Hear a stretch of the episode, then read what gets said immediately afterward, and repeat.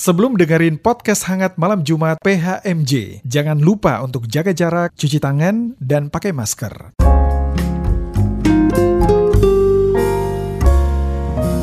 Podcast hangat malam Jumat. Halo, selamat malam Sobat Hangat. Gimana nih kabarnya hari ini? Semoga sehat sama bahagia selalu ya, di mana pun Sobat Hangat berada. By the way, udah pada vaksin belum semuanya? Ayo, yang belum, yuk yuk segera vaksin nih, biar kita semua terhindar dari dampak yang lebih parah daripada COVID-19 ini. Dan selalu ingat protokol kesehatan ya, di mana pun Sobat Hangat berada. Nah, Sobat Hangat, hari ini nih, saya Kevin Jonathan gak sendirian nih. Saya akan nge-host barengan sama partner host saya nih. Kita panggil langsung yuk. Halo Kak Anes, apa kabar Kak? Halo Kak Kejo. Yes, kita berdua ya hari ini ya. Siap. Mantap. Nah, Sobat Hangat, topik kali ini itu apa sih? Nah, pada saat ini kita akan ngebahas nih Kak Anes tentang sindrom anak sulung. Nah, Kak Anes, noh nggak sih anak sulung tuh anak pertama atau anak terakhir? Ayo. Anak pertama kayaknya deh. pertama kayaknya ya dasar. Oke, benar. Nah, Sobat Hangat, apa namanya? em, siapa nih dari dari Sobat Hangat yang anak sulung nih? Mungkin bisa relate banget nih gitu kan. Nah, selain anak sulung, topik ini juga relate kok sama anak tunggal atau sama mungkin anak tengah-tengah gitu ya kan Nes. Jadi nggak nggak menutup cuma anak sulung aja gitu ya. Benar, Jadi benar. jangan khawatir meskipun kayak anak tengah atau anak bungsu pasti tetap seru juga nih mendengarkan topik A, topik hangat ini nih. Nah, sobat hangat tahu nggak sih?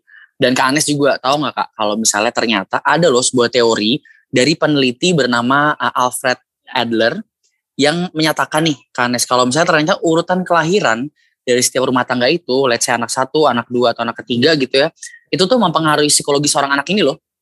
Kayak mungkin sifatnya atau kemampuannya kayak gitu Kak Anes. Tahu nggak kalau itu? Wah, aku baru tahu tuh Kak Kejo. Menarik banget ya. Menarik banget nih kayaknya harus dibahas. Wah, menarik juga kalau dibahas nih dan teori ini menggarisbawakan bahwa anak pertama yang perhatiannya diambil oleh anak kedua, ketiga akan permanen nih mempengaruhi kepribadiannya. Bener nggak sih ya teori itu ya Kak Kejo ya? Nah, itu dia tuh. Nah, kita akan coba omongin bersama narasumber kita yang kece-kece yang sudah hadir pada malam hari ini. Siapa aja sih tuh? Oke, yang pertama kita ke anak sulung nih. Anak sulung dulu kayaknya, karena di sini Boleh. ada anak sulung dan anak bungsu nih yang akan Oh, hadir. jadi pada pada mamar ini ada anak sulung sama anak, anak bungsu ya? bener banget Lengkap dong. lengkap. Nah, untuk yang pertama untuk anak sulung yang pertama ada Kanorika. Hai Kanorika, apa kabar? Hai kak, baik. Wah, mohon ampun anak sulung. anak sulung yang pertama, ya. Ada juga anak bungsu, yaitu ada Kak Sekar. Hai Kak Sekar, apa kabar? Halo, puji Tuhan baik kak. Wah, semuanya baik-baik aja ya. Dan ternyata hari ini narasumbernya bukan para anak sulung saja, Sobat Hangat. Hmm, Menarik juga ya untuk dibahas malam hari ini. Dan gak ketinggalan juga yang akan menerangi kita dengan firman Tuhan, ada kakak pendeta Sonya. Hai kakak pendeta Sonya, apa kabar kak? Halo kakak-kakak, kabar baik. Oke, nah sebelum mulai nih, eh, aku mau nanya sama Kak Norika dulu nih. Kak Norika, eh, sebelumnya Kak Norika ada punya berapa saudara sih Kak? Aku punya empat adik, lima bersaudara kita. Berarti lima bersaudara, Kak Norika paling pastinya pertama ya anak sulung Iya. ya. Wah ada lima ya. Iya, seru tuh kalau kita bahas anak lima dengan eh, keberbagai yang tadi dibilang sama eh, Kak Kejo, Alfred Alder tuh pasti eh, psikolog sifatnya tuh beda-beda. Wah, kalau Kak Sekar nih, Kak Sekar ada saudaranya berapa nih Kak Sekar nih? Berapa bersaudara dalam keluarga? Iya, kalau aku eh, dua bersaudara, Kak. Wah, dua bersaudara, jadi anak sama anak bungsu bener ya, bener-bener. Beda sama Kak Norika yang punya lima dan Kak Sekar punya dua, dua saudara, eh, bers- dua bersaudara. Wah, seru banget nih sobat hangat di akan kita eh obrolin bersama tentang anak sindrom anak sulung. Jadi jangan ke mana-mana ya, tetap di podcast hangat malam Jumat.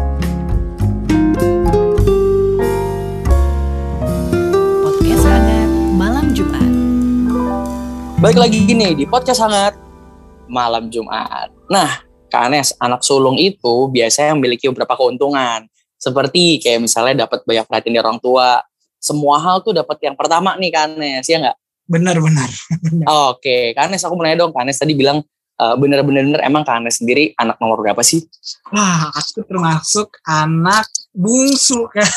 Waduh, beda dong ya. Kalau diriku, itu termasuk anak sulung nih. Jadi ketika dengar kayak gini, ketika baca skripnya juga ya, oh ya thank you juga nih. Skrip kita pada malam hari ini tuh dibikin sama Kak Ella. Jadi pas ngeliat baca ini juga ketawa-ketawa sendiri gitu loh. Jadi oh iya ada beberapa yang relate ya kayak gitu. Jadi uh, aku lanjut kali ya Nes ya. Nah biasanya tuh anak sulung tuh um, masa-masa yang pertama kali dia dapetin misalnya kayak dapet apa itu tuh kita duluan nah biasa mungkin uh, let's say nggak usah jauh-jauh deh misalnya baju gitu nah anak sulung tuh pas pertama kali nanti uh, adiknya mungkin yang bisa dipakai ya dipakai dulu sama adiknya kayak gitu jadi benar-benar uh, kadang-kadang anak sulung suka dapet duluan. Terus kita juga pertama kali masuk sekolah pertama kali anak sulung yang masuk uh, yang kuliah let's say kuliah di luar kota nah itu pertama kalinya tuh. Gitu. Nah uh, diriku mau bertanya ah coba kayak tanya nih ke adik-adik yang memiliki anak sulung. Nah Anes nih termasuk nih Anes sama Sekar ya. Menurut kalian apa sih keuntungan jadi anak sulung? Kalau aku nih kayak, hmm? menurut aku keuntungan jadi anak sulung itu ya bener sih. Ya semuanya halnya baru, apa-apa baru. Dia nyobain semuanya baru.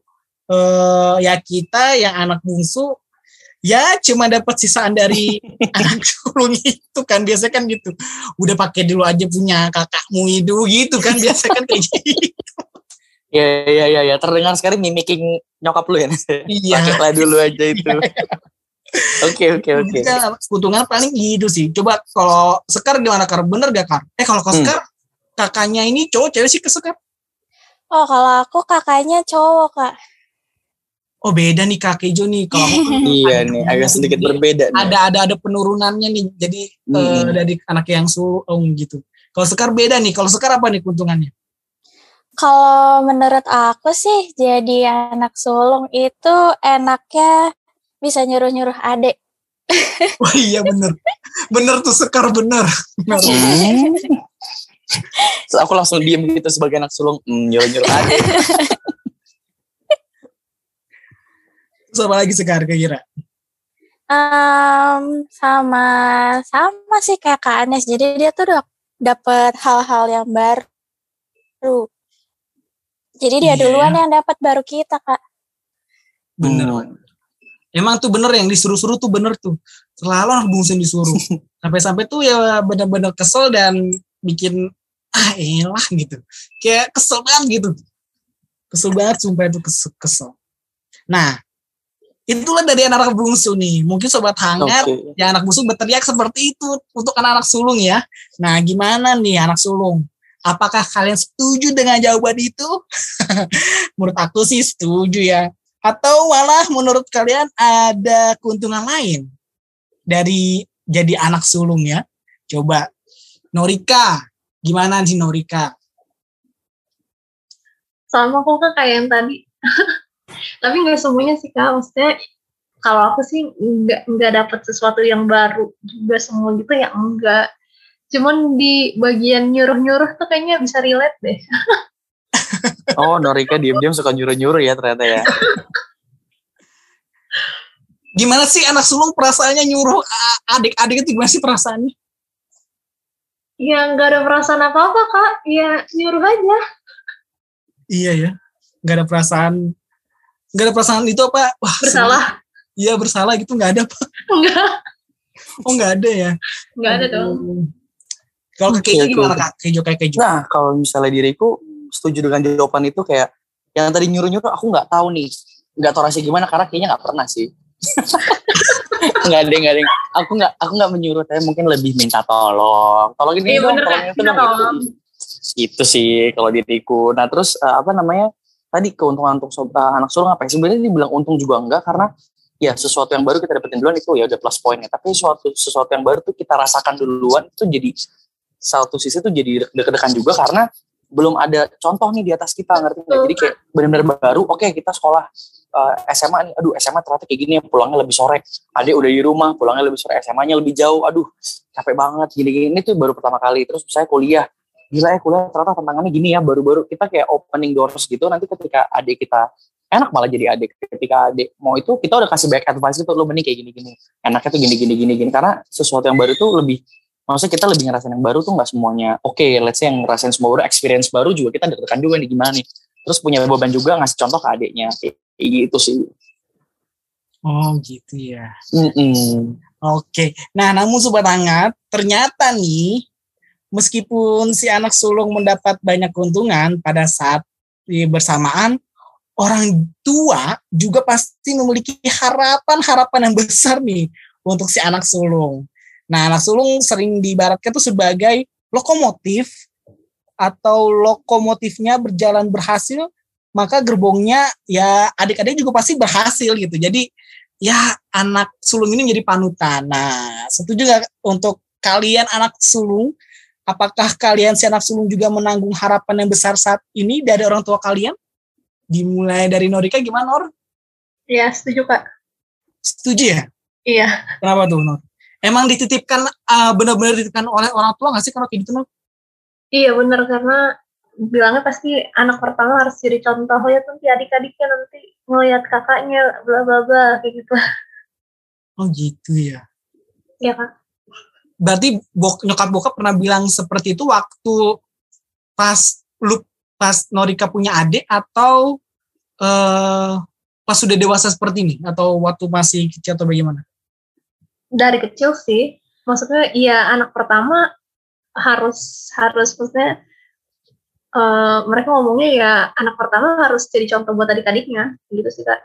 Oh berarti sa sampai saat ini masih ya? Masih. Wah. Kalau Kak Kejo gimana Kak Kejo? Nah, kalau diriku kalau misalnya ditanya kayak gitu tuh uh, lokomotif dan kita pertama nih yang tadi itu benar sesuai sama yang tadi. Jadi kayak kita bikin contoh-contoh segala macam mau nggak mau kan jadi contoh buat adik-adik ya. Satu sisi juga ada beban-bebannya sih gitu kan. Terus apalagi harapan orang tua gede. Iyalah anak sulung gitu kan apalagi anak pertama nih. Ingat gak sih kalau orang tua nih ketemuan iya anak saya udah kuliah yang pertama kuliahnya di sini gini-gini kan jadi kebanggaan orang tua sendiri ya gitu. Karena itu tuh hal itu tuh kadang-kadang orang tua banggakan tapi yang jadi anak sulung tuh deg-degan juga kayak aduh aduh aduh aduh ini bisa nggak ya benar-benar berhasil di sini gini-gini gitu. Terus kalau misalnya lagi apalah lagi dalam kondisi apa gitu. Pasti ntar dibilang kamu yang benar nyontohin ini kan juga contoh buat adik kamu gini-gini gini kayak gitu sih. Jadi ya plus minus lah ya kak. Deg-degannya juga pasti ada karena harapan orang tua itu ya tapi dari harapan orang tua itu ini nggak sih eh, sudah terjawab belum sih? Maksudnya wah kamu sudah baik gitu. Pernah pernah dipuji-puji seperti itu? Pernah nggak sih? Pernah gak? kamu sebagai kakak nih sudah baik nih sama adiknya gitu. Pernah nggak sih? Sebenarnya kalau kalau dibilang baik atau enggak bingung ya kayaknya nggak pernah benar-benar bilang nih kamu baik nih kamu yes terima kasih kamu telah memberikan sesuatu yang baik itu nggak pernah. Cuma ya apa namanya kayak mungkin dikasih tahu ke adik ya tuh kayak kakak tuh kamu kan gini gini gini gini tuh. Kayak gitu gini gini gitu sih paling. Kalau Norika gimana tuh? Diriku itu ya paling dikasih taunya langsung ke adik tuh kayak gini secara tidak langsung paling. Aku belum pernah denger sih kak. Baik dari pihak waduh. Belum sih aku belum pernah ini. Mungkin di belakang umumnya. Mungkin nggak mungkin nggak dikasih tahu ya Nor ya? Karena kan orang tuanya bicaranya sama sama anaknya langsung yang bungsu kan pasti kan ya mungkin kan. tapi aku belum pernah ini sih. Iya. Pernah baik pernah diucapkan. Iya. Dari oh, okay. jadi itu ya harapan-harapan yang baik buat uh, anak sulung untuk uh, menjadi contoh buat uh, adik-adiknya gitu ya. Wah seru juga nih kak Kejo ya. Seru banget nih. Nah kalau misalnya ngomong nah dari tadi kan Nes, dirimu kan udah nanya-nanya kita mulu nih sebagai anak sulung. Mau nanya balik ah. Kalau menurut yang bukan anak sulung nih, ini gimana nih gitu kan? Apakah emang benar harapan-harapan orang tua terhadap yang anak sulung itu lebih gede dibandingkan harapan anak lainnya? Mau lihat aja nih perbandingannya nih gimana nih kalau dari Kak Anes? Kalau dari aku sih bener kak, apalagi aku orang oh, ya? Batak kan kak orang Batak, be orang Batak itu kak bener-bener anak pertama itu jadi ya benar-benar jadi yang diharapkan sekali kak karena hmm. um, contohnya nih khususnya nih yang aku alami sekarang uh, ketika kakakku yang pertama lahiran hmm. hmm. lahir namanya dia itu pasti nama anak itu jadi nama eh oh istilahnya sih kalau Batak nama pangguaran kak jadi istilahnya tuh nama anak yang pertamanya itu menjadi nama nanti kalau mamaku meninggal dipanggilnya opung ini gitu. Sekarang dipanggilnya opung Moses. Jadi ya itu jadi namanya ada nama Moses Mosesnya juga di uh, akte uh, di bayinya itu. Jadi nanti sekarang nama mama aku jadinya kalau dipanggil orang Batak opung Moses jadinya sekarang kan jadi benar-benar Oh, dari oke, anak oke. pertama itu kak. Anak Hmm. pertama cowok lagi. Gitu sih kak. Kalau yang cowok ya. Tapi kalau di Batak enggak eh, sebenarnya enggak jadi enggak dari walaupun dia kayak Norika nih cewek. Paling nanti yang jadi pangguarannya yang anak laki-laki sih kan lebih ke laki-laki sih kalau untuk yang di Batak gitu. Ya bener apalagi juga eh, di keluargaku kan eh, papa kan meninggal udah udah nggak ada kan kak? Udah nggak ada. Jadi ya anak pertama itu bener-bener tanggung jawab banget gitu buat eh Hmm, ke mana-mana iya, iya. buat eh, apalagi dia udah dapat kerja nih kalau dapat kerja dulu kita masih sekolah ya dia kayak menjadi tulang punggung keluarga gitu sih kak kalau kalau di aku ya kayak gitu anak pertama itu kalau Sekar gimana Sekar? Yes, baru mau nanya, Sekar gimana nih Sekar? Iya, kalau menurut aku sih bener banget Kak dia punya tanggung jawab yang lebih besar. Eh, eh harapannya juga dari orang tua ke kakak tuh besar banget gitu dibanding adik-adik soalnya kayak bener yang tadi Kak Kejo bilang dia jadi contoh kan jadi diharapkan tuh anak sulung lebih besar gitu biar jadi contoh ke adik-adiknya gitu. Hmm, nah menarik nih kalau gitu. Nah, mau nanya lagi ya ke Sekar sama Anis Iya. juga. Nah, eh, dirimu kan dari tadi bilang tuh, iya harapannya gede, harapannya gede, harapannya gede. Nah, kalian sebagai anak bungsu emang tahu ya harapan-harapan orang tua ke anak ke ke kakak kakak kalian gitu. Kalau dari Sekar gimana kak? Em, mungkin kalau dari orang tua harapannya sih cukup sukses kali ya biar biar adik-adiknya jadi semangat biar sukses juga gitu. Hmm, terus kalau Anis gimana?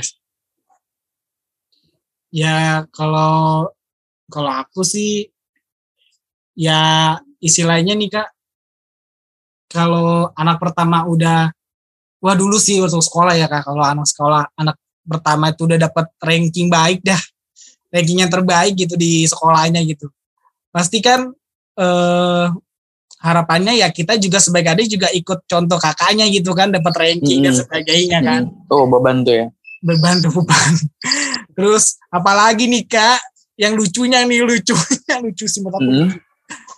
Ya gitu kalau kita lagi ngumpul nih sama teman-teman sekolah dulu SMA kan, SMA. Terus datang ke rumah lah teman-teman kita tuh, Hmm. datang ke rumah. Kadang-kadang tuh lebih keselnya tuh kalau anak sulungnya lebih ganteng dari anak yang ini. Ih, kakaknya ganteng banget beda sama adiknya gitu itu tuh. itu tuh lebih apa ya lucu sih lebih lucu jadi kayak gitu maksudnya eh kadang ah gantengan kakaknya daripada adiknya. Gitu jadi Waduh. harapannya tuh lebih besar gitu maksudnya. Ya harapannya gitu. Jadi harus lebih bersih harus lebih rapi. Kalau kakaknya udah rapi nih udah rapi-rapi rumah nih udah rapi nih. Kan tuh kakakku pertama tuh sangat rapi kak. Terus eh ngelihat aku yang berantakan ih rapi kenes gak mama gitu. Tapi kayak kayak abang abang satu ini gitu-gitu sih.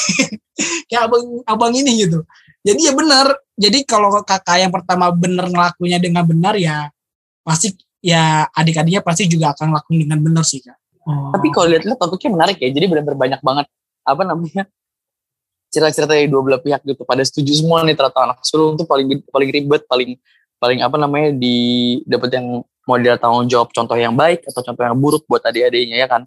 Untuk contoh jadi pemimpin atau pengganti orang tua bagi adik-adiknya gitu kan. Bertanggung jawab buat mengalah. Nah, mengalah. Iya betul lah. Pokoknya kita juga tanggung jawab untuk mengalah ke adik-adik kita gitu sebagai, anak sulung. apalagi Aduh. nih apalagi nih pasti mungkin sekarang juga ngerasain nih apalagi nih anak bungsu tuh senangnya nih kalau kakak-kakaknya tuh udah pada kerja iya nggak sekar Iya, sekolah. banget sih Kak. kakaknya sudah kerja wah itu uang mengalir cukup deras Wow. Dasar. Kalau setiap bulan kalau gajian kak beli ini dong, beli ini, ya pasti Oh, udah tahu ya kita nggak tahu gajian kakak-kakaknya. gitu nggak sukar kan? Iya nggak? Oke, oke. Iya benar banget sih kak. Kalau Sekar dulu dibeliin kakaknya apa kak? Sekar udah dibeliin apa? Dulu waktu pertama kali kakak digaji itu aku dihadiahin tas. Lu di dentas. Iya. Wah. Kalau dulu aku kakakku gajian dulu. Hah? Aku pernah dulu zamannya BlackBerry dibeliin BlackBerry. Ih. Gitu deh makanya seru ya kayak kejo. Mantap, mantap, mantap, mantap. Nah, kalau misalnya uh, diriku mau tanya nih sama sama anak sulung deh, sama Norika. Norika, apakah tanggung jawab anak sulung itu benar-benar sebesar itu? Atau mungkin bahkan lebih gede lagi? Gitu? Kalau dari Norika gimana? setuju sih kak maksudnya ya sebesar itu sebagai sebagai panutan yang adik-adiknya lihat terus eh, apa mengatur adik-adiknya juga sih kayak gitu sih kak Ya benar ya benar-benar jadi contoh ya. Maksudnya kalau ngelihat adik-adik nanya uh, pendapat ke kita, berarti kita juga udah udah harus tahu dan udah lebih udah harus lebih duluan lah gitu kan uh, merasakan hal yang mereka tanyain. Jadi kalau mereka nanya kita bisa jawab dengan benar kayak gitu gitu kan. ya. iya betul kak Nah. Uh, pertanyaan berikutnya nih, bener kan Norika? betul kak Mm-mm. Nah, kalau menurut kalian yang memiliki kakak sulung nih, pertanyaan kepada Anes dan Sekar, apakah mereka juga memikul tanggung jawab yang sama gitu? Atau ternyata nggak semua anak sulung tuh memiliki tanggung jawab itu gitu? Jadi pandangan kalian tuh apa nih terhadap eh, tanggung jawab seorang anak sulung nih? Aku dulu ya. Kalau aku ada aku sih, Iya boleh. kalau aku sih pandangan aku memang besar sih kak untuk eh, anak sulung. Eh, Mm-mm. dia yang menjadi promotor keluarga buat adik-adiknya, Mm. dia yang menjadi nilai buat adik-adiknya gitu maksudnya menjadi yang baik-baik ya kan yang baik-baik kita ikutin untuk adik-adiknya yang jaga nggak nggak mungkin kan adik kita ikutin juga kan gitu maksudnya ya anak sulung memang berperan ak- eh, berperan besar sih berharap berperan besar untuk Mhm. keluarga jika memang anak sulung itu dan ke depannya juga kalaupun nanti kedua orang tua kita juga nggak ada ya mungkin ya menurut aku ya nanti ya anak sulung itu yang akan eh ceritanya ya ya ceritanya nih ya yang akan eh menjadi penengah atau menjadi pemimpin bisa jadi kak untuk kita kita adik-adiknya gitu sih kak Hmm, Oke oke oke oke. Kalau menurut Sekar gimana nih pandangan? Hmm, kalau menurut aku sih kak, eh iya mereka punya tanggung jawab yang besar. eh tapi eh kita punya porsi masing-masing juga sih untuk anak sulung dan anak bungsu. Jadi mungkin Oh ya, gimana tuh maksudnya? Iya, mere- mereka emang lebih besar punya tanggung jawabnya karena eh karena misalkan nih dia udah lulus sekolah duluan gitu kan dia pasti kerja. Jadi dia Hmm. ikut bertanggung jawab buat, buat anak adik-adiknya kan. Hmm. Nah, terus ke kalau misalkan adiknya nanti lulus jadi kita eh, sama-sama punya peran sendiri sih tanggung jawab masing-masing gitu untuk sama-sama gitu punya porsinya masing-masing gitu Ah iya iya, menurut iya. aku. menarik menarik. Jadi benar-benar menurut si Anes tuh katanya benar-benar ya, ya benar-benar sulung tuh lokomotif gitu, benar-benar yang dilihat dan bisa dicontoh gitu ya. Kalau menurut Sekar sendiri, eh, iya mereka bisa dilihat dan dicontoh, tapi nantinya ke depannya juga pasti kalian berdua punya baik anak sulung maupun anak bungsu juga atau anak tengah gitu pasti punya porsinya masing-masing ya. Mm-mm, bener kak. Waduh, keren keren. keren. Nah, semakin seru nih sobat hangat topik pada malam hari ini. Kita masih punya banyak banget hal yang kita mau tanyain tentang anak sulung ya Kak Anes ya. ya kak Kejo Sip, makanya jangan ke mana-mana kita lanjut ke segmen 2 uh, abis abis dari sini kayak gitu. Jadi tetap di sini, jangan matiin dulu podcastnya, tetap di podcast sangat malam Jumat.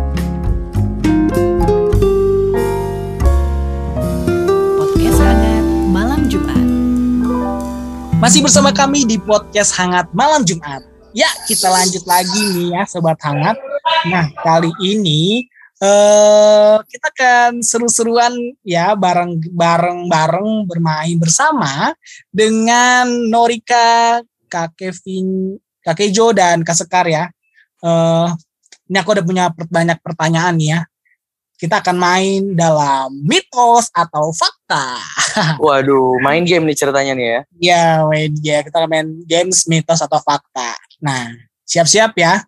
Oke, Oke. berarti sebelum itu mungkin minta kakak Sekar sama Standby ya kakak sekarang iya kakak Sekar sama Rika on kali ya Oh. mic-nya. Oke. Mantap. Siap ya. Nah, pertanyaan pertama, mitos atau fakta?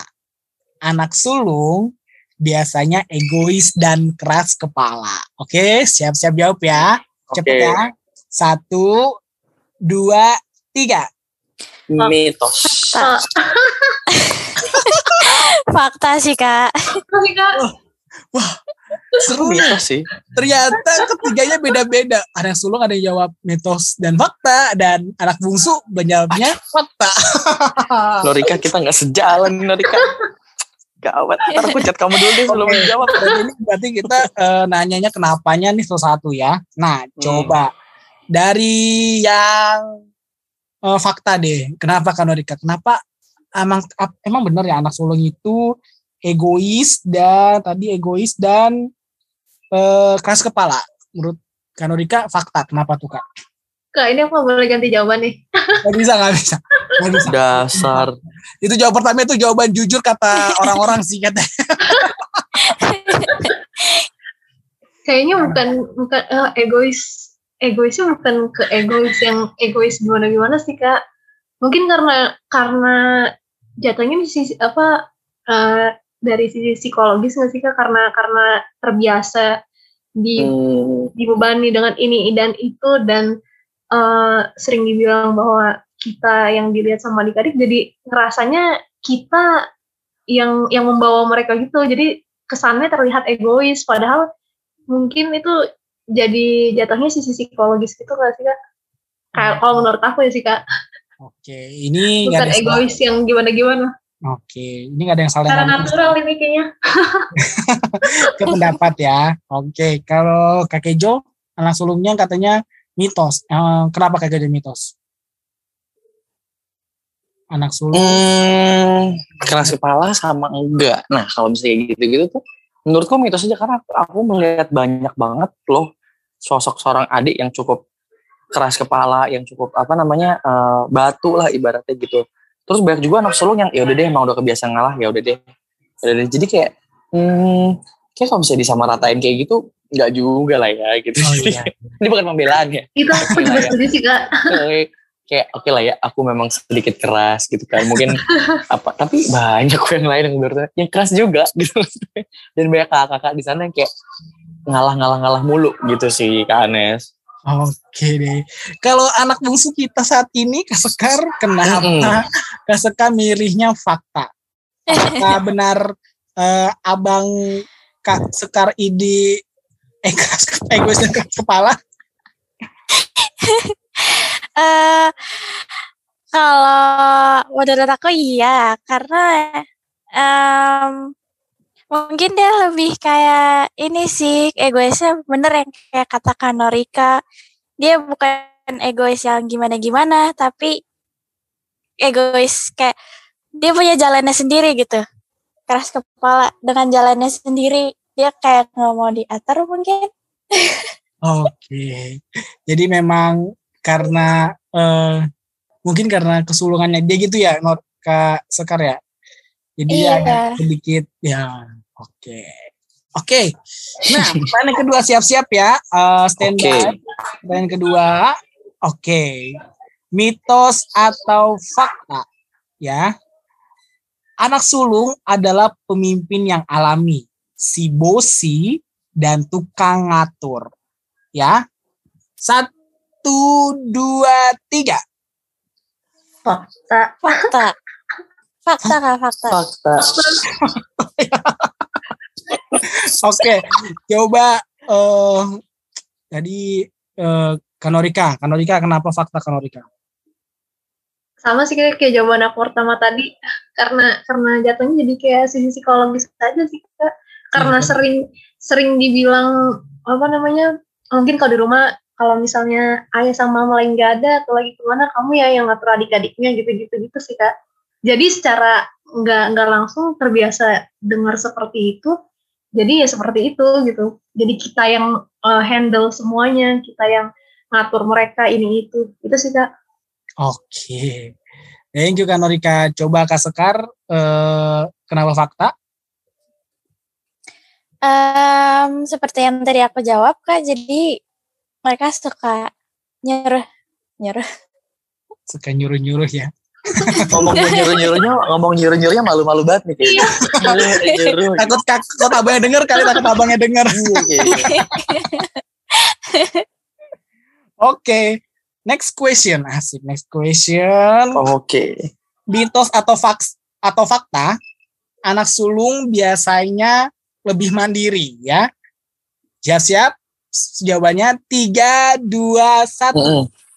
fakta Mitos. Fakta. ini fakta sih kak Wah. oh kok kita nggak pernah sama sih kak Kita nggak pernah sama ya, Sok? Iya. Kita kayak mesti meeting dulu deh abis ini ya.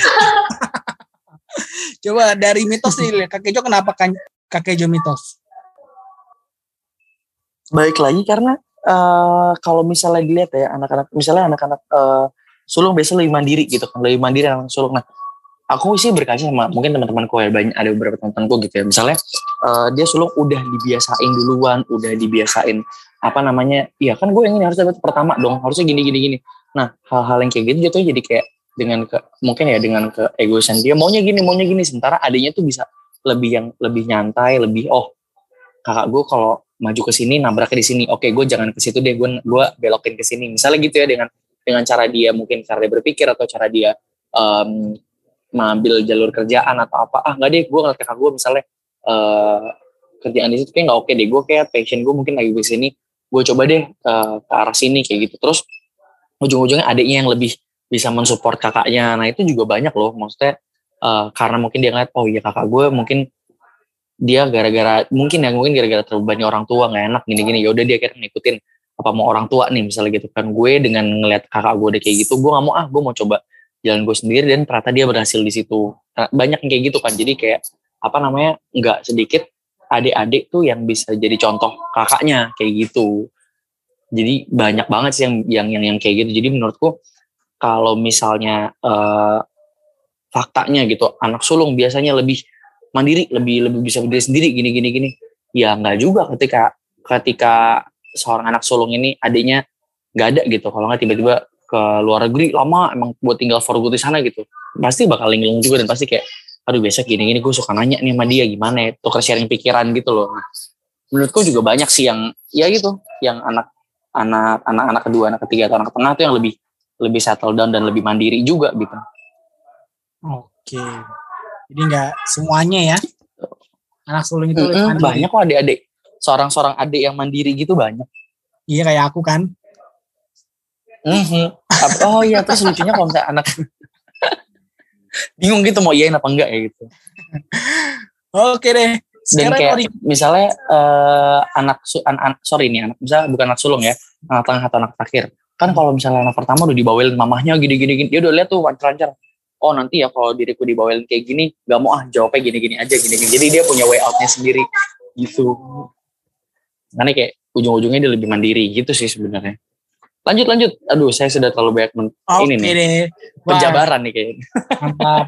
Sekarang Norika nih. Kan Norika, eh, Norika sebagian sulung bilang fakta. Karena mungkin seru sih. Mungkin kan Kak Gijo kan dengan dua saudara kayak Kak Norika dengan lima bersaudara. Kak Norika apakah benar Kak Norika lebih mandiri daripada adik-adik Norika? betul tapi nggak semua sih kak lebih ya? ke kan aku cuman berdua cewek gitu kan Oh iya. tiganya cowok yang lebih mandiri ya kita berdua cewek kadang Oh, eh, karena kalau misalnya cowok-cowok tuh padahal misalnya kalau kita inget-inget lagi gitu ya misalnya kita sekolah seumuran mereka gitu pada Hmm. waktu itu saat kita waktu sekolah kita tuh udah bisa ngapa-ngapain mandiri ini saat mereka yang ada di umur kita saat waktu itu selalu dibilang tolongin dulu ke adiknya tolongin dulu ini ke adiknya kayak gitu padahal aku bilang padahal kayaknya mah dulu aku nggak kayak gitu deh aku udah bisa sendiri dia sama Jia aku bilang iya. gitu. Oke. Dengar ya adik-adik Kanodika ya. Oke deh. Siap. Sekarang Sekar. Sekar. Gimana Kak eh, Sekar? Eh, apakah anak sulung lebih mandiri? Kenapa memilih fakta? Iya, eh kalau bagi aku, karena kan pas dia lahir, dia mungkin dimanja, tapi pas kita lahir dia jadi mandiri gitu, karena perhatiannya lebih ke adik. Gitu gak sih? Iya, iya. Iya, benar benar. iya ya, benar juga sih. Oke, de- pertanyaan selanjutnya ya. Siap-siap. Tunggu Mitos- tunggu, ini pertanyaan selanjutnya nih kak. Iya. Aduh Norika gimana nih Norika? Kita harus sama nih jawabannya sekarang nih Nor. Iya bener. Oke oke lanjut ke Anes. Oke, siap ya. Pertanyaan yang selanjutnya. Mitos atau fakta? Maaf nih, sebelumnya ya, kita ngomongin fisik nih, ngomongin fisik, sorry. Bukannya eh, gimana ya, kita ngomongin fisik. Anak sulung biasanya punya tubuh lebih kecil dari adik-adiknya. Siap ya? Eh, mitos atau fakta, oke? Tiga, dua, satu. Mitos atau fakta? Mitos. Kita lagi. Kak Kenori kapan? Aku jawab mitos. Mitos ya. Iya. Oke. Gawat. Aku jawabnya fakta. Kenapa? Ke, kita ke mitos dulu. Kanori kenapa mitos? Karena dari eh, aku punya tante, tanteku anak pertama enggak juga, enggak enggak lebih lebih kecil dari adik-adiknya enggak juga. Tapi kalau dari aku dari dari pihak ayah, sepupu-sepupu aku emang sih anak pertama cewek selalu paling kayak beneran badannya paling kecil, paling pendek gitu kan. Hmm, Tapi enggak enggak itu mitos doang. Enggak semuanya seperti itu. Oke. Kalau Kak Sekar yang bungsu, ap- kenapa mitos? Hmm, kita sama-sama besar sih kak. Jadi sama ya. iya. Jadi sama ya. Oke, oke. Oke, Kakek Ejo kenapa fakta? Kakek Ejo. Pertama, eh, bukti hidup saya dan adik saya, adik saya jauh lebih besar. Terus apa? eh, mungkin banyak, banyak teman-teman gue juga bisa adiknya lebih gede gitu. ya. Itu karena ya itu mungkin nutrisi pada saat adik kita lahir gitu, du, tiga atau empat tahun setelah itu tuh lebih bagus misalnya gitu. Habis itu kayak oh ya dia suplemennya lebih banyak atau apalah lebih bagus-bagus kayak gitu kan. Jadi kayak hmm jadi emang lebih besar badan badannya. Oke deh. Wah, ini pertanyaan terakhir ya. Eh, Oke. teman-teman. Yang terakhir untuk menutup segmen kita pada mal- eh, malam hari ini, ya. Mitos atau fakta? Anak sulung, anak sulung senyum di bibir walau sedang sedih. Jadi eh, anak sulung itu pura-pura si pura-pura tegar gitu, ya. Mitos atau fakta ya? Oke, satu, dua, tiga. Mitos. Mitos. Mitos, mitos. Mitos. ya anak sulung eh, pura-pura tegar tuh mitos ya. Oke coba eh, dari kakek Jo deh kakek Jo kenapa mitos? Hmm, mitos ah nggak semua kayak gitu. Ya mungkin ya satu sisi eh, ada benernya misalnya eh, senyum tuh terus pura-pura tegar karena mungkin harus menjaga adik-adiknya atau gimana biar nggak biar nggak bingung nih adiknya biar nggak linglung gitu kan. Atau biar nggak cengeng lah ibarat. Tapi kayak banyak juga lah kalau misalnya ada masalah atau segala macam malah jadi sharing. Terus ya kalau emang lagi sedih ya bilang sedih gitu. Yang enggak malah jadi malah bisa cerita sama adiknya gimana cara way outnya kayak gitu. Oke. Kalau Kak Kak Sekar pendapatnya sebagai anak bungsu? Kenapa mitos? Mitos. Karena Ade juga bisa senyum di bibir walaupun sedih. waduh Jadi itu manusiawi ya, manusiawi ternyata Iya. ya. Maupun anak sulung. manusiawi ternyata ya Wah, menarik sekali ya jawaban dari teman-teman. Terima kasih sudah mengikuti games ini. Uh, dan sumber kita, kita akan lanjut nih di segmen berikutnya. Jadi jangan ke mana-mana ya, Sobat Hangat. Masih banyak hal-hal seru tentang anak sulung sindrom di episode 76 ini. Jadi tetap di podcast Hangat Malam, Malam Jumat.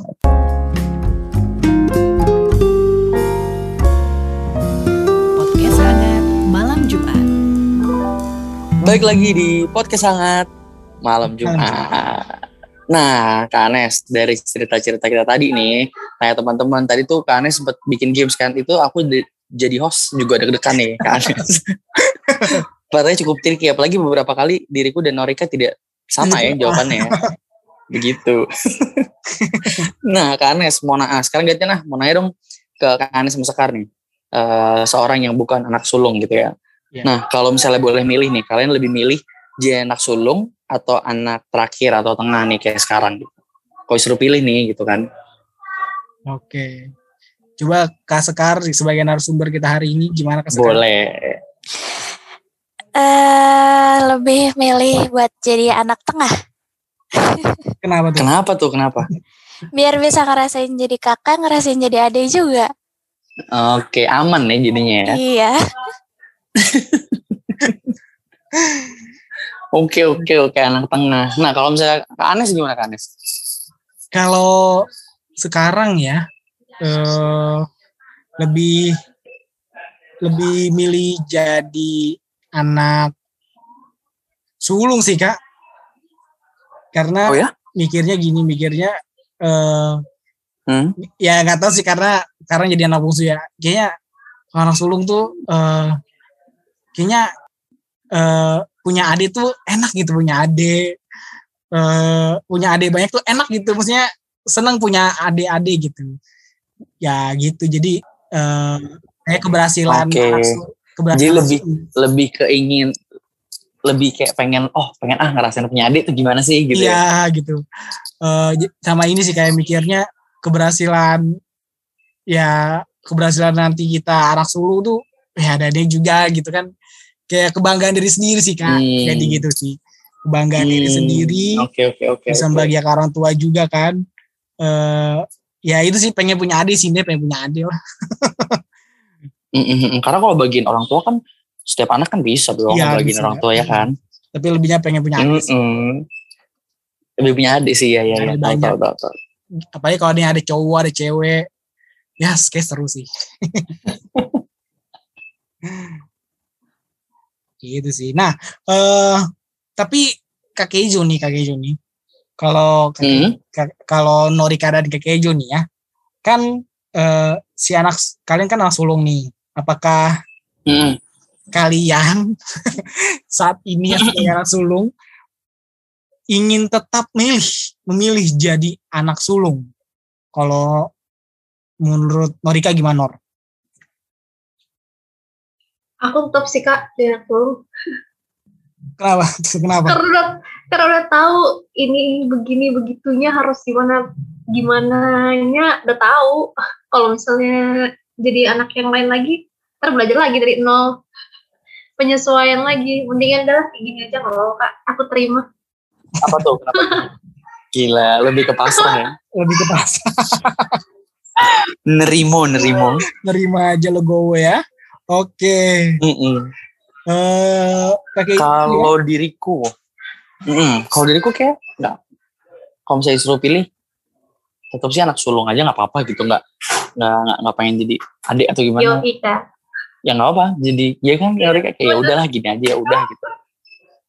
Makanya Hmm, tuh, jadi kayak ya udah mungkin oh, eh, jadi kalau ada yang apa namanya ditanya adik bisa nanya atau segala macam nggak nggak nggak pengen nggak pengen tukar posisi atau gimana atau disuruh kalau disuruh pilih mau jadi anak sulung apa anak eh, bontot gitu. Hmm kayak sama aja deh. Cuma karena sekarang kebetulan lagi jadi- lagi jadi anak sulung ya udah jalanin aja ya nggak sih Nor Yo Ika, betul. oke oke oke. Gitu ya kakek Jo ya. Bener banget. Nah, terakhir nih, Nes, mau nanya ah, kalau misalnya eh, Anes em, sama Sekar nih, apa eh, ada nggak sih hal-hal yang kayak kalian ingin sampaikan ke kakak-kakak sulung kalian nih gitu? Silahkan deh, boleh deh nih gunain kesempatan ini untuk menyampaikan kayak apa pun deh eh, entah apa penguatan kayak atau saran atau mungkin eh, saran nih biar kakaknya jadi lebih baik gitu atau mungkin terima kasih juga gitu boleh deh silahkan ada nggak sih yang pengen disampaikan ini Oke. dari seorang adik-adik ini gitu Oke. Aku sih mau nyampain untuk eh, anak sulung ya, untuk eh, Mm-mm, mm-mm. seluruh kakak-kakak, abang-abang di sana.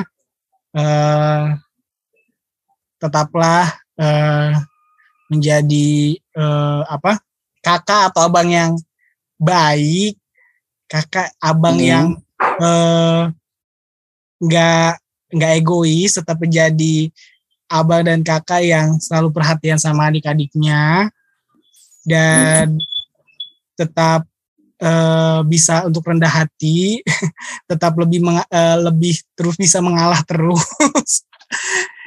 Pokoknya semoga sehat-sehatlah buat kalian eh, kakak dan abang-abangku di mana pun kalian berada dan tetaplah eh, anak bungsu diperhatikan kirimlah uang-uang buat kita lah.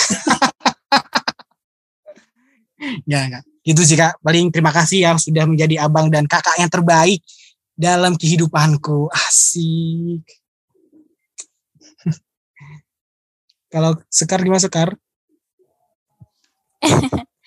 Kalau dari aku em, mau bilang makasih buat kakak-kakak di luar sana karena udah jadi contoh yang baik buat adik-adiknya, udah udah eh tangguh di jadi kakak buat adik-adiknya. Terus terima kasih buat kakak-kakak yang udah mau selalu ngalah buat selalu ngertiin adiknya mungkin.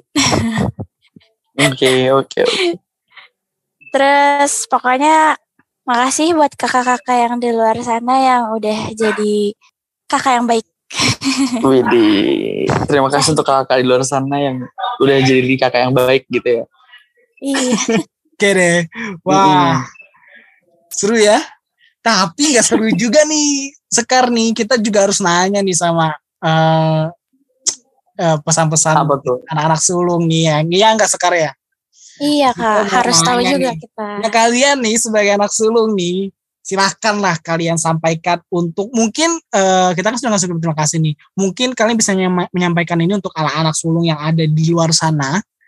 Mungkin pendengar sobat hangat yang menjadi anak sulung, bolehkah kasih pesan dan kesan menjadi anak sulung gimana? Terserah ya. Sampaikan sesuatu untuk Mm-mm. anak sulung yang ada di sobat hangat di PMJ ini. Silakan. Oke, dari Kanorika kali ya. Boleh, boleh. Ibu dulu aja kak. Oh wow. Oper-operan nih kita. boleh, boleh, boleh, boleh. Oke, oke. Kalau misalnya apa ya seorang eh, kakak sulung gitu kan sampaikan sesuatu ke sulung-sulung lain, maksudnya halo para kakak-kakak di luar sana gitu kan. eh, apa ya? eh, terus jadi contoh buat adik-adiknya gitu walaupun mungkin ada banyak kakak sulung yang mikir kayak aduh udahlah adik gue lebih oke daripada gue atau gimana gimana enggak tetap percaya aja maksudnya adik se- se- sesukses-suksesnya adik atau gimana pasti ada juga maksudnya andil dari seorang kakak di situ gitu kan di kehidupan adiknya gitu kan jadi jangan jangan kecil hati gitu kan kalau misalnya eh, untuk kakak sulung yang mungkin adiknya eh, ah enggak adik gue bisa lebih lebih lebih apa namanya lebih bisa memberikan contoh enggak juga kok gitu kan. Adik ada di situ dengan kondisi kayak gitu juga gara-gara kakak sulung yang udah support dia selama ini kayak gitu. Terus semangat kakak sulung yang lain gitu kan terus jadi contoh buat adik-adiknya. Kalau misalnya dibilang lebih egois atau gimana yuk buktikan bareng-bareng. Kita nggak egois dan kita tidak keras kepala. Bisa kok kita ngatur adik-adik kita. Bisa juga kita jadi teman curhat mereka kayak gitu. Dan terus kasih advice advice terus kasih ya, pendapat pendapat kita yang terbaik untuk adik-adik kita di sana kayak gitu. Nah sekarang Norika nih. Jangan bilang sama ya Norika ya? Baru mau bilang apa? oh tidak boleh 90% sama sih kak. Sama yang tadi kak Kevin eh kak Kejo sampaikan. Ya Mhm. buat kakak seluruh luar sana ya good luck deh. Semangat terus. We got your back. Udah itu aja kak dari aku? Dan Norika itu ya pokoknya tetap semangat pokoknya gitu. Gitu deh Nes pokoknya tetap semangat deh anak-anak sulung. Iya, Jadi contoh betul. deh pokoknya tetap ya.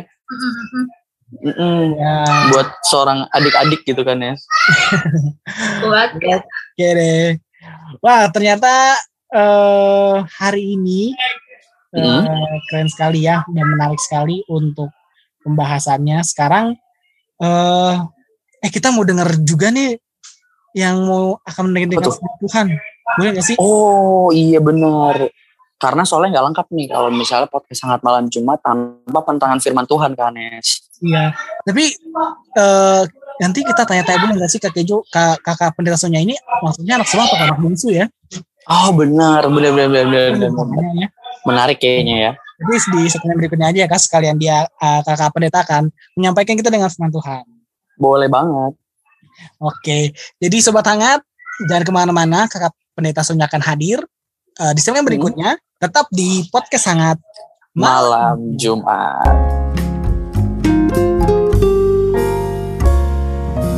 Podcast hangat malam Jumat. Kembali lagi di podcast hangat malam Jumat. Malam Jumat. Sekarang saatnya tadi kita sudah anak bungsu dan anak sulung sudah berbicara. Sekarang akan kita diterangi firman Tuhan oleh kakak pendeta Sonya Om Kakek Tony. Nah sebelumnya kakak Sonya nih, kakak Sonya ini sebenarnya itu kakak termasuk anak sulung atau anak bungsu sih kak? Aku anak bungsu, Kak. Oke, jadi Anes Oke. berarti ya.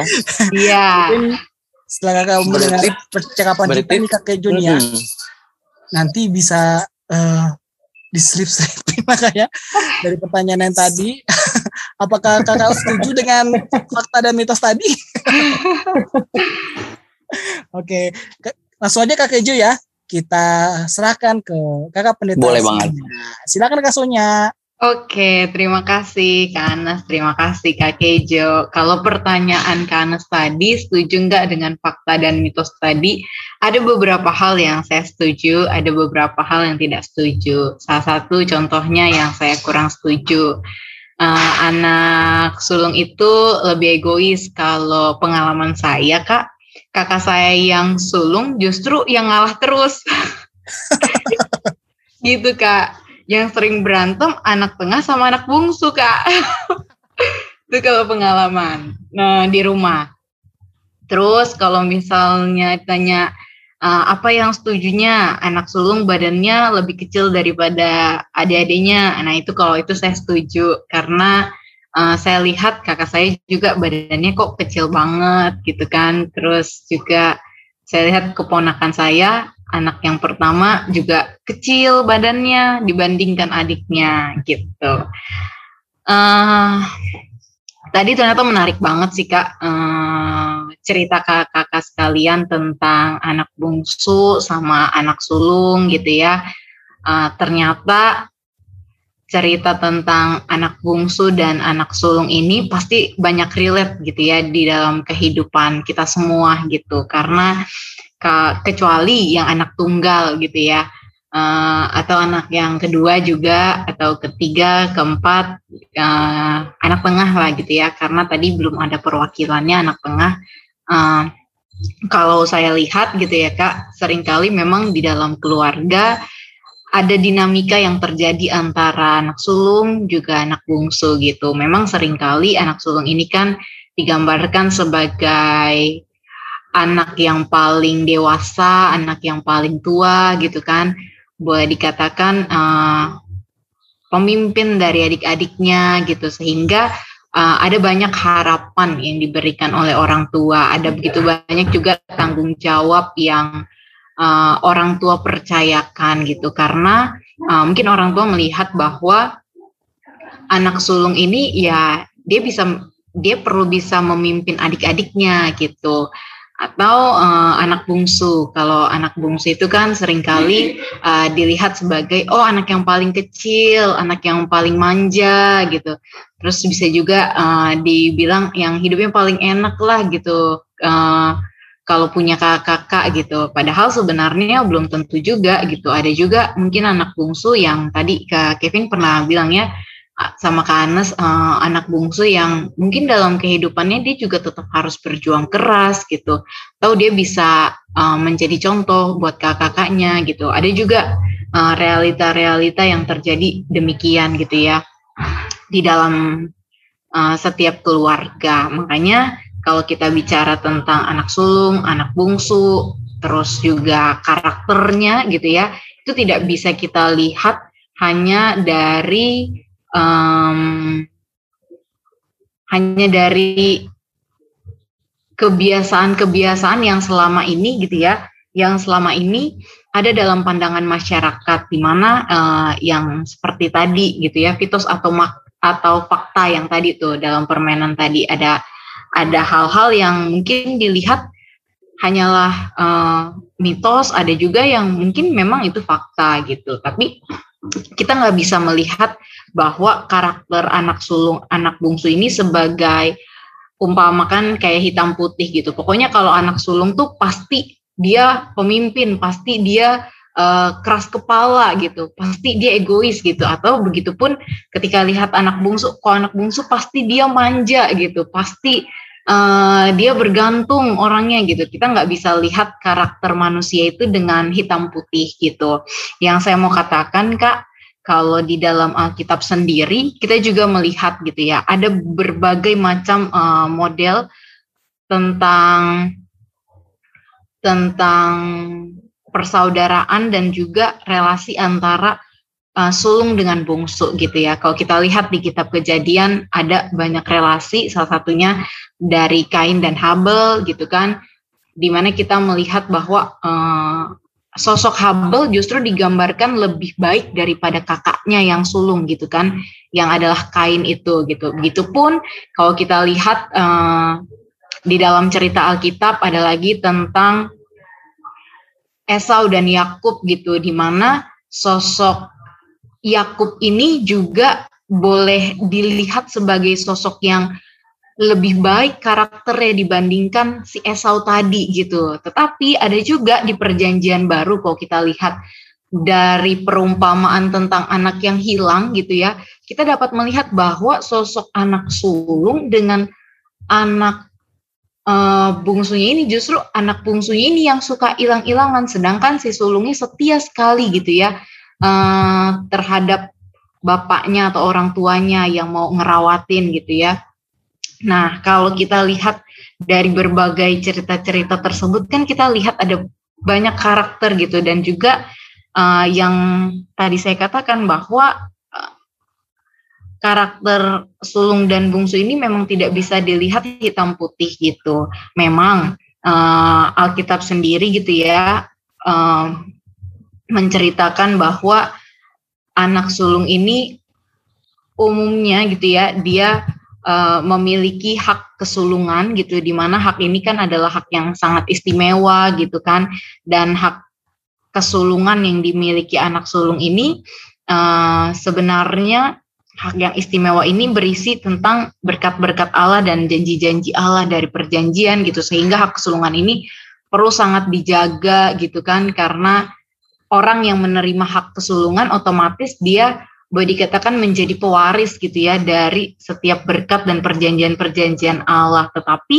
uh, Alkitab juga menunjukkan kepada kita bahwa hak kesulungan yang diberikan oleh si sulung ini sifatnya tidak mengikat mengikat sebagaimana boleh kita katakan udah pasti itu punya sulung nggak nggak bisa diberikan kepada orang lain tapi enggak gitu kalau kita lihat dalam cerita Alkitab ternyata hak kesulungan ini bisa kok gitu ya diterima uh, oleh orang yang lebih pantas atau lebih tepat gitu boleh dikatakan kayak dalam cerita Esau dan Yakub ternyata Yakub lebih tepat menerima hak kesulungan dibandingkan Esau kakaknya sendiri gitu kan. Nah, oleh karena itu dari cerita-cerita itu apa yang kita dapatkan? Ternyata yang kita dapatkan adalah baik sulung maupun bungsu gitu ya setiap anak itu pasti memiliki karakter yang berbeda-beda dan setiap anak ini sebenarnya gitu ya diciptakan Tuhan dan juga merupakan anugerah dari Tuhan itu sendiri gitu.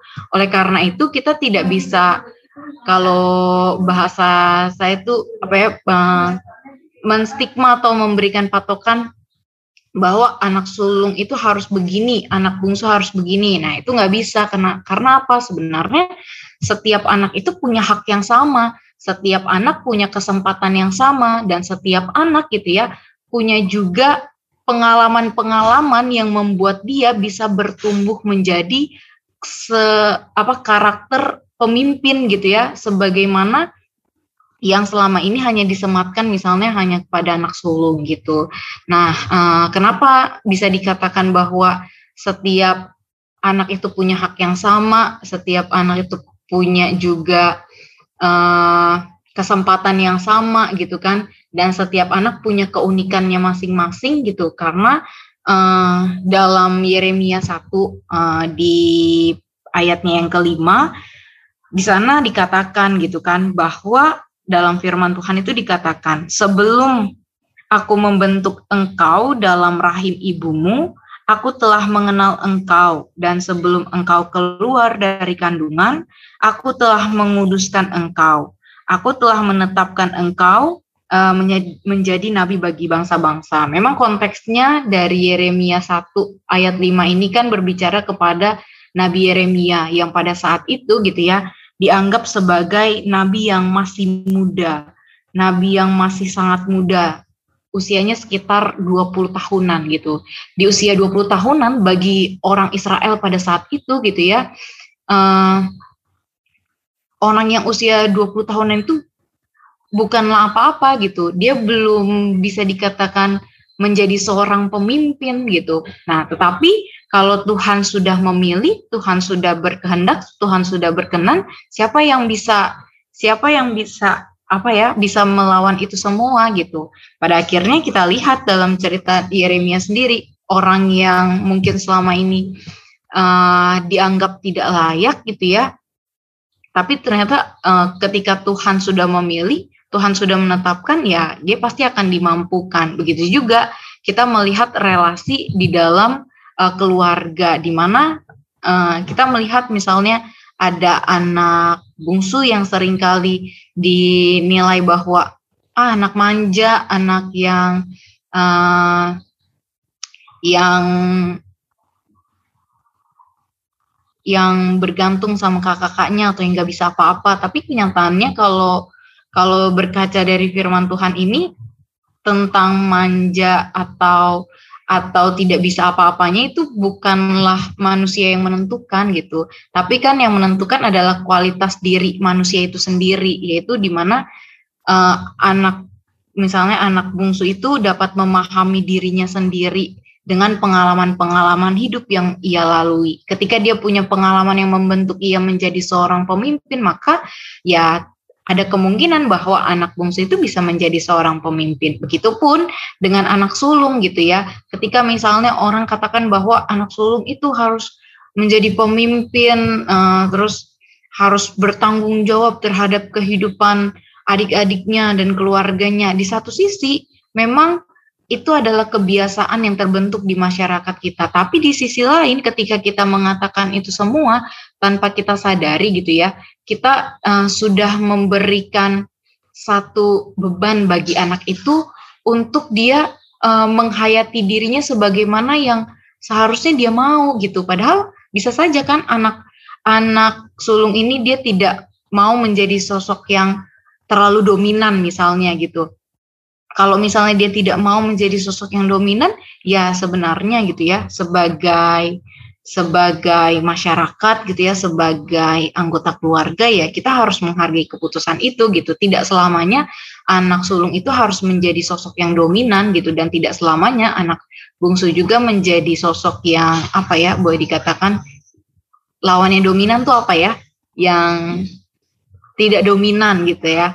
Uh, bisa saja gitu ya itu berkebalikan uh, tergantung bagaimana uh, mereka terbentuk dari pengalaman hidup yang mereka alami, mereka rasakan dan bagaimana mereka menghayati diri mereka sebagai manusia uh, yang apa adanya gitu. Nah, oleh karena itu saya mau katakan dari dari cerita kakak-kakak tadi gitu ya, anak sulung dan anak bungsu bahwa uh, setiap anak pasti punya keunikan masing-masing. Setiap anak punya ciri khas masing-masing, karakter masing-masing, pengalaman hidup yang terbentuk gitu ya dari setiap anak uh, yang membentuk karakter anak itu sendiri gitu ya. Sebenarnya uh, perlu kita hargai, perlu kita lihat kita lihat gitu ya sebagai suatu suatu kesempatan bagi anak itu untuk bertumbuh dan berkembang sebagaimana uh, dia mau jadi dirinya apa adanya gitu. Oleh karena itu uh, sebagai manusia gitu ya, khususnya mungkin uh, kita yang pernah menjadi seorang anak ataupun uh, para bapak ibu yang menjadi orang tua gitu ya, perlu kita melihat seorang anak itu ya sebagai seorang anak yang di mana dia punya karakter, punya keunikan, punya identitas diri yang yang tidak bisa kita sematkan uh, harus begini, harus begitu, harus begini, harus begitu gitu. Tapi kita perlu melihat seorang anak itu sebagai seorang anak yang di mana dia punya kesempatan untuk bertumbuh menjadi dirinya sendiri, menjadi uh, seorang pribadi dengan versi terbaik menurut dirinya sendiri gitu ya. Sebagai orang tua gitu ya atau sebagai saudara hendaklah kita membuka kesempatan itu sebesar-besarnya, seluas-luasnya agar uh, setiap anak itu bisa bertumbuh, berkembang gitu ya dengan penghayatan dirinya gitu ya yang tepat gitu. Dan sebenarnya uh, itulah yang yang yang yang Tuhan mau gitu kan di dalam setiap keluarga di mana uh, setiap keluarga itu kan membuka ruang bagi setiap anggotanya untuk bertumbuh, berkembang dan menghayati dirinya dengan positif gitu ya.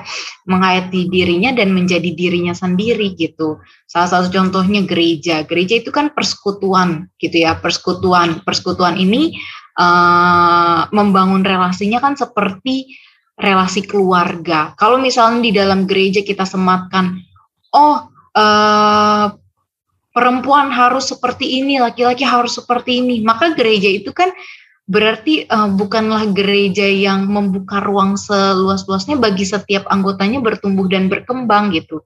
Sedangkan sebenarnya hakikat gereja itu kan uh, sebagai persekutuan justru ya perlu menjadi wadah di mana setiap anggotanya bisa bertumbuh dan berkembang mengenal Tuhan dengan versinya masing-masing, dengan keunikannya masing-masing. Nah, oleh karena itu uh, sebagai manusia gitu ya, baiklah gitu ya, kita tidak tidak terkungkung dengan dengan pemikiran-pemikiran bahwa uh,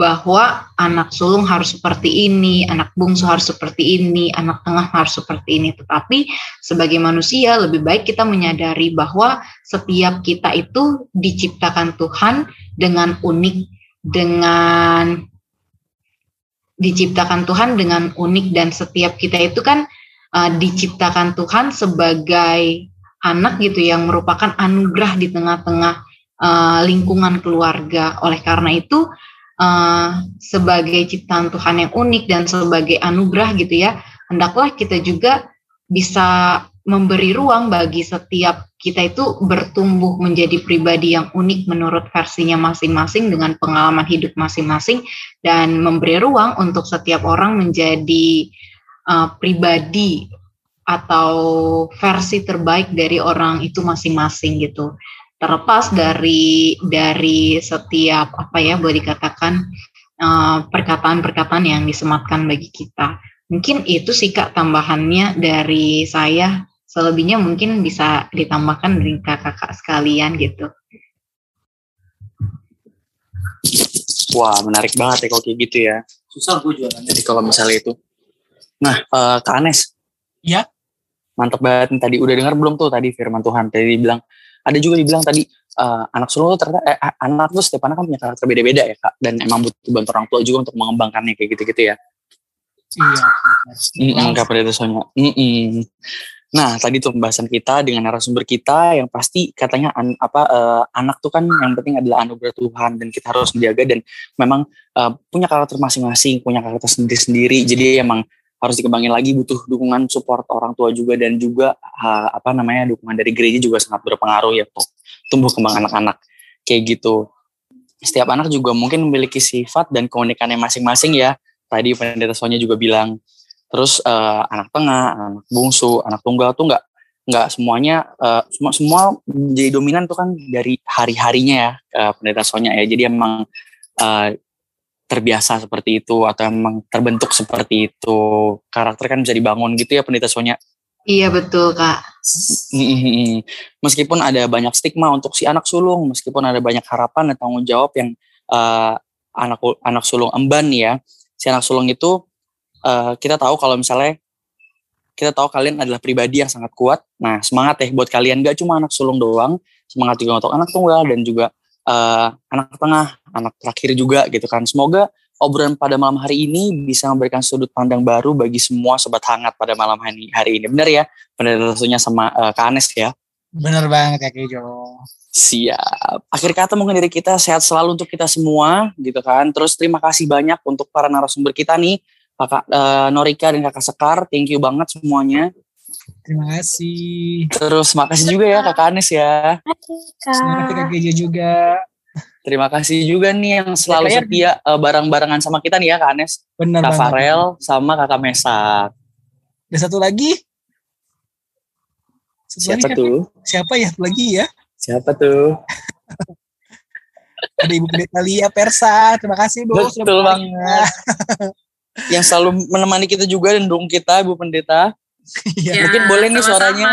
Sama-sama, sama-sama. Makasih Kak Ella yang udah bikin skrip. Itu dia, big thanks. Terima kasih Kak Ella untuk ide-ide menariknya pada malam hari ini nih ya. Okay. Sehat selalu untuk kita semua. Tuhan berkati kita semua. Dan akhir kata Kak Anes, sampai bertemu di podcast hangat malam, malam Jumat. Jumat.